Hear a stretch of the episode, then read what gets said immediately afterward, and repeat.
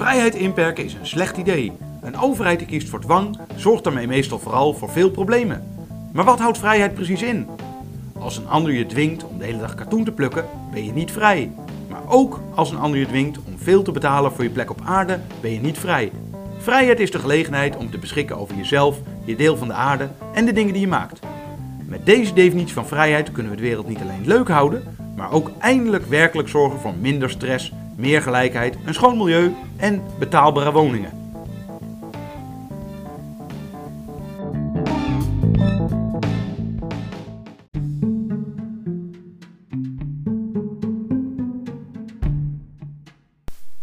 Je eigen afweging mogen maken. De overheid heeft als het goed is altijd het beste met ons voor. Als er een probleem ontstaat, wil ze ons tegen beschermen. Of we dat nou willen of niet. Het concept van paternalisme, of dat van een overheid die ons als kleine kinderen behandelt, is niet zomaar volledig af te keuren. Er bestaan situaties waarin het juist is om mensen tegen zichzelf in bescherming te nemen. Denk hierbij aan kleine kinderen. Het is vreed om die hun gang te laten gaan als ze met een cirkelzaag aan de slag willen. Er bestaan ook volwassenen die overduidelijk niet in staat zijn om hun eigen beslissingen te nemen. Dat is echter iets om extreem voorzichtig mee te zijn. Zodra er ook maar een klein beetje twijfel bestaat, moeten we mensen hun gang laten gaan. Iemand die vrijheid wenst, mag zelf bepalen hoe hij zijn leven inricht. Een overheid die te grote aantallen mensen ontoerekeningsvatbaar verklaart en voor deze mensen bepaalt hoe ze hun leven in moeten richten, is een griezelig idee. Mensen tegen hun wil redden kan soms nobel zijn, maar het is spelen met vuur. Ook wanneer de overheid ons niet expliciet ontoerekeningsvatbaar verklaart, zijn we vaak niet vrij om onze eigen afwegingen te maken. Dat kan diverse oorzaken hebben. Bijvoorbeeld, een clubje mensen binnen de overheid heeft een ideaalbeeld over hoe een bepaald onderdeel van de maatschappij eruit zou moeten zien. Stel dat een clubje mensen het ideaalbeeld schetst dat alle schepen uitgerust moeten zijn met de beste technieken om de kans op ongelukken minimaal te maken. Dat klinkt toch goed? Wat ook regelmatig voorkomt, is dat bedrijven of instellingen een bepaald ideaalboot promoten. Sommige grote cv-installeurs zouden bijvoorbeeld graag zien dat elke monteur gecertificeerd moet worden om ongelukken met koolmonoxide te voorkomen. Klinkt allemaal niet zo verkeerd. Hoe kan iemand dit soort dingen nou niet willen? Voorstanders vergeten echter iets. Mensen hebben beperkte middelen en moeten daarom keuzes maken. De keuze om op zaterdag en zondag door te werken om iets perfect in orde te maken. Of de keuze om toch wat tijd te nemen voor je gezin. De keuze om altijd het nieuwste of het meest betrouwbare te kopen. Of toch geld overhouden voor andere leuke dingen. Het maken van de meest extreme keuze, bijvoorbeeld maximale veiligheid, is vaak niet de meest verstandige. Mensen kiezen daarom voor een bepaald compromis. Als ze totaal geen aandacht besteden aan veiligheid, is de kans groot dat ze een naar ongeluk krijgen. Als ze voor maximale veiligheid kiezen, betekent dit dat ze allerlei dingen niet meer kunnen doen, omdat ze te veel geld en tijd besteden aan veiligheid. Moeten we mensen die een afwijkende keuze maken hinderen? Mensen die parachute springen of bungee jumpen zijn wat mij betreft gek, en toch is het niet verboden. De uitwassen van de veiligheidsdwang zijn verschrikkelijk. Allerlei mensen moeten gecertificeerd worden om hun werk te mogen blijven doen. Voor veel liefhebbers van historische schepen is het leven veel minder leuk geworden nu ze min of meer continu bezig zijn met het behalen en het behouden van certificering en het sparen voor verplichte dure apparatuur om hun jaarlijkse vaartochtje ietsje veiliger te maken. Mensen met wat minder geld zijn al lang met deze hobby gestopt. Ze zijn ongetwijfeld blij dat de overheid ze tegen zichzelf in bescherming heeft genomen.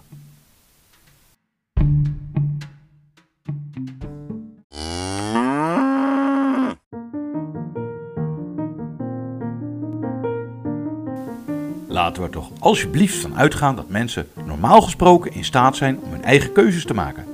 Dwang moeten we enkel in hele bijzondere situaties gebruiken. Als mensen willekeurig anderen in gevaar brengen, is er sprake van een andere situatie. Een vliegtuig dat over ons heen vliegt moet veilig zijn, omdat aan de mensen op de grond niets gevraagd is. Voor de passagiers in het vliegtuig geldt wat anders. Die zijn in staat om hun eigen afweging te maken. Als ik in een vliegtuig stap, wens ik dat het een veilig vliegtuig is.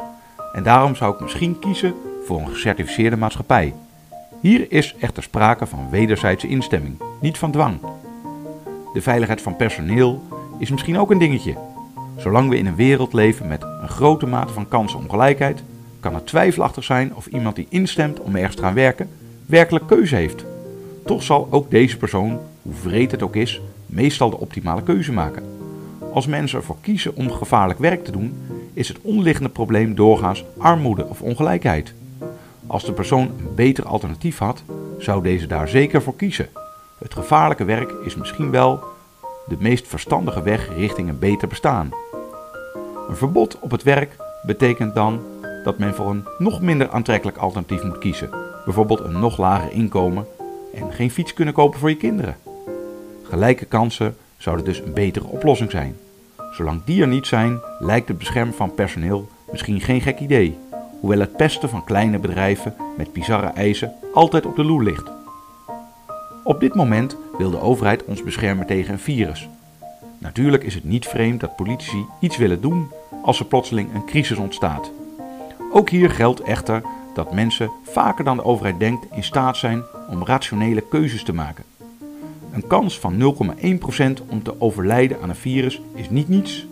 Echter, twee jaar lang allerlei leuke dingen niet doen, komt mogelijk voor sommige mensen overeen met meer dan 2% van je leven inleveren. Voor ouderen is de kans om te overlijden groter. Echter, voor bejaarden die verwachten dat ze nog hooguit enkele jaren te leven hebben, komt twee jaar lang de kleinkinderen niet zien overeen met een aanzienlijk deel van de rest van hun leven. Ik zal geen poging doen om te berekenen wat de beste optie is. Je twee jaar lang gedijst houden of je leven in bepaalde mate riskeren. Ik wil echter wel duidelijk maken dat voor beide opties wat te zeggen valt. Mensen die ervoor kiezen om een bepaald risico te nemen, zijn niet per definitie ontoerekeningsvatbare gekken. Mensen maken een afweging om zich wel of niet te laten vaccineren, omdat ze meer of minder vertrouwen hebben in een nieuw soort medicijn dat wat minder uitgebreid getest is, en omdat ze zich meer of minder zorgen maken over de kans om ziek te worden. Natuurlijk is het vreed als mensen de verkeerde keuze maken.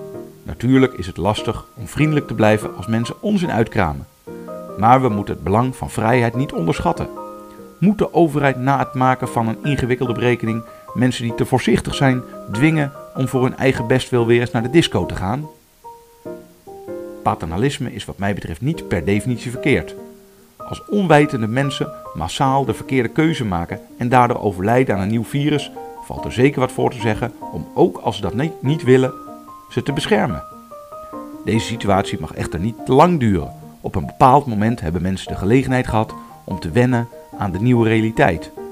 Ze hebben om zich heen kunnen kijken en zich kunnen verdiepen in statistieken. Op een bepaald moment kunnen mensen hun eigen afweging maken. Mensen kunnen ervoor kiezen om voor de zekerheid uit de buurt te blijven van anderen die zich niet hebben laten vaccineren. Café-eigenaren kunnen ervoor kiezen om enkel mensen die gevaccineerd zijn binnen te laten.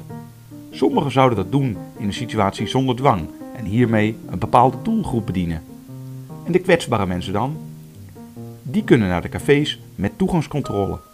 Een sympathieke manier om deze groep verder tegemoet te komen zou zijn dat allerlei horecaondernemers bijvoorbeeld elke 14 dagen een virusvrije dag inplannen.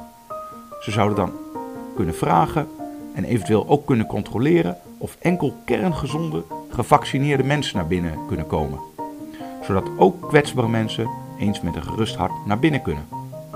De huidige situatie met dwang leidt ertoe dat de bezoeker en de café-eigenaar allebei het minimale doen dat nodig is om niet gestraft te worden.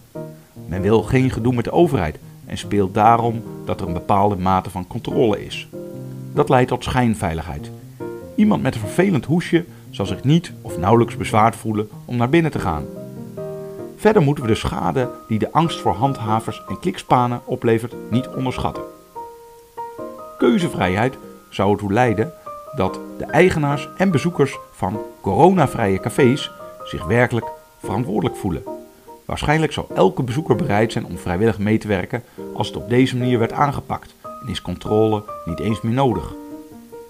Belangrijker dan deze praktische overwegingen is echter de vraag wat leven en laten leven inhoudt. Hoe gaan we om met mensen die anders denken dan wij? Hoe gaan we om met minderheden die anders denken dan de meerderheid? Zijn deze mensen in een democratie hun leven niet zeker? Maken we afwijkende mensen het leven zuur of proberen we vreedzaam allemaal onze eigen weg te kiezen?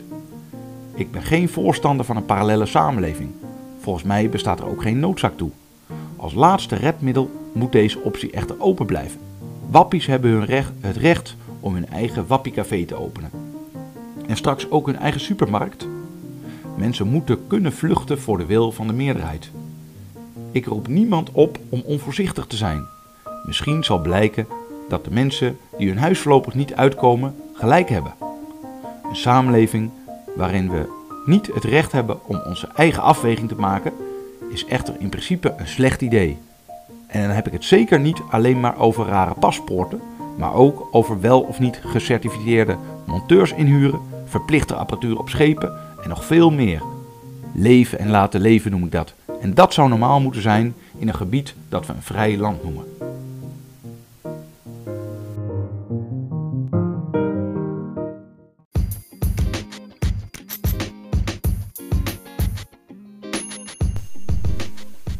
Bent u nou nog steeds te gek? Kijk voor meer info op onze website en abonneer u natuurlijk ook op deze podcast.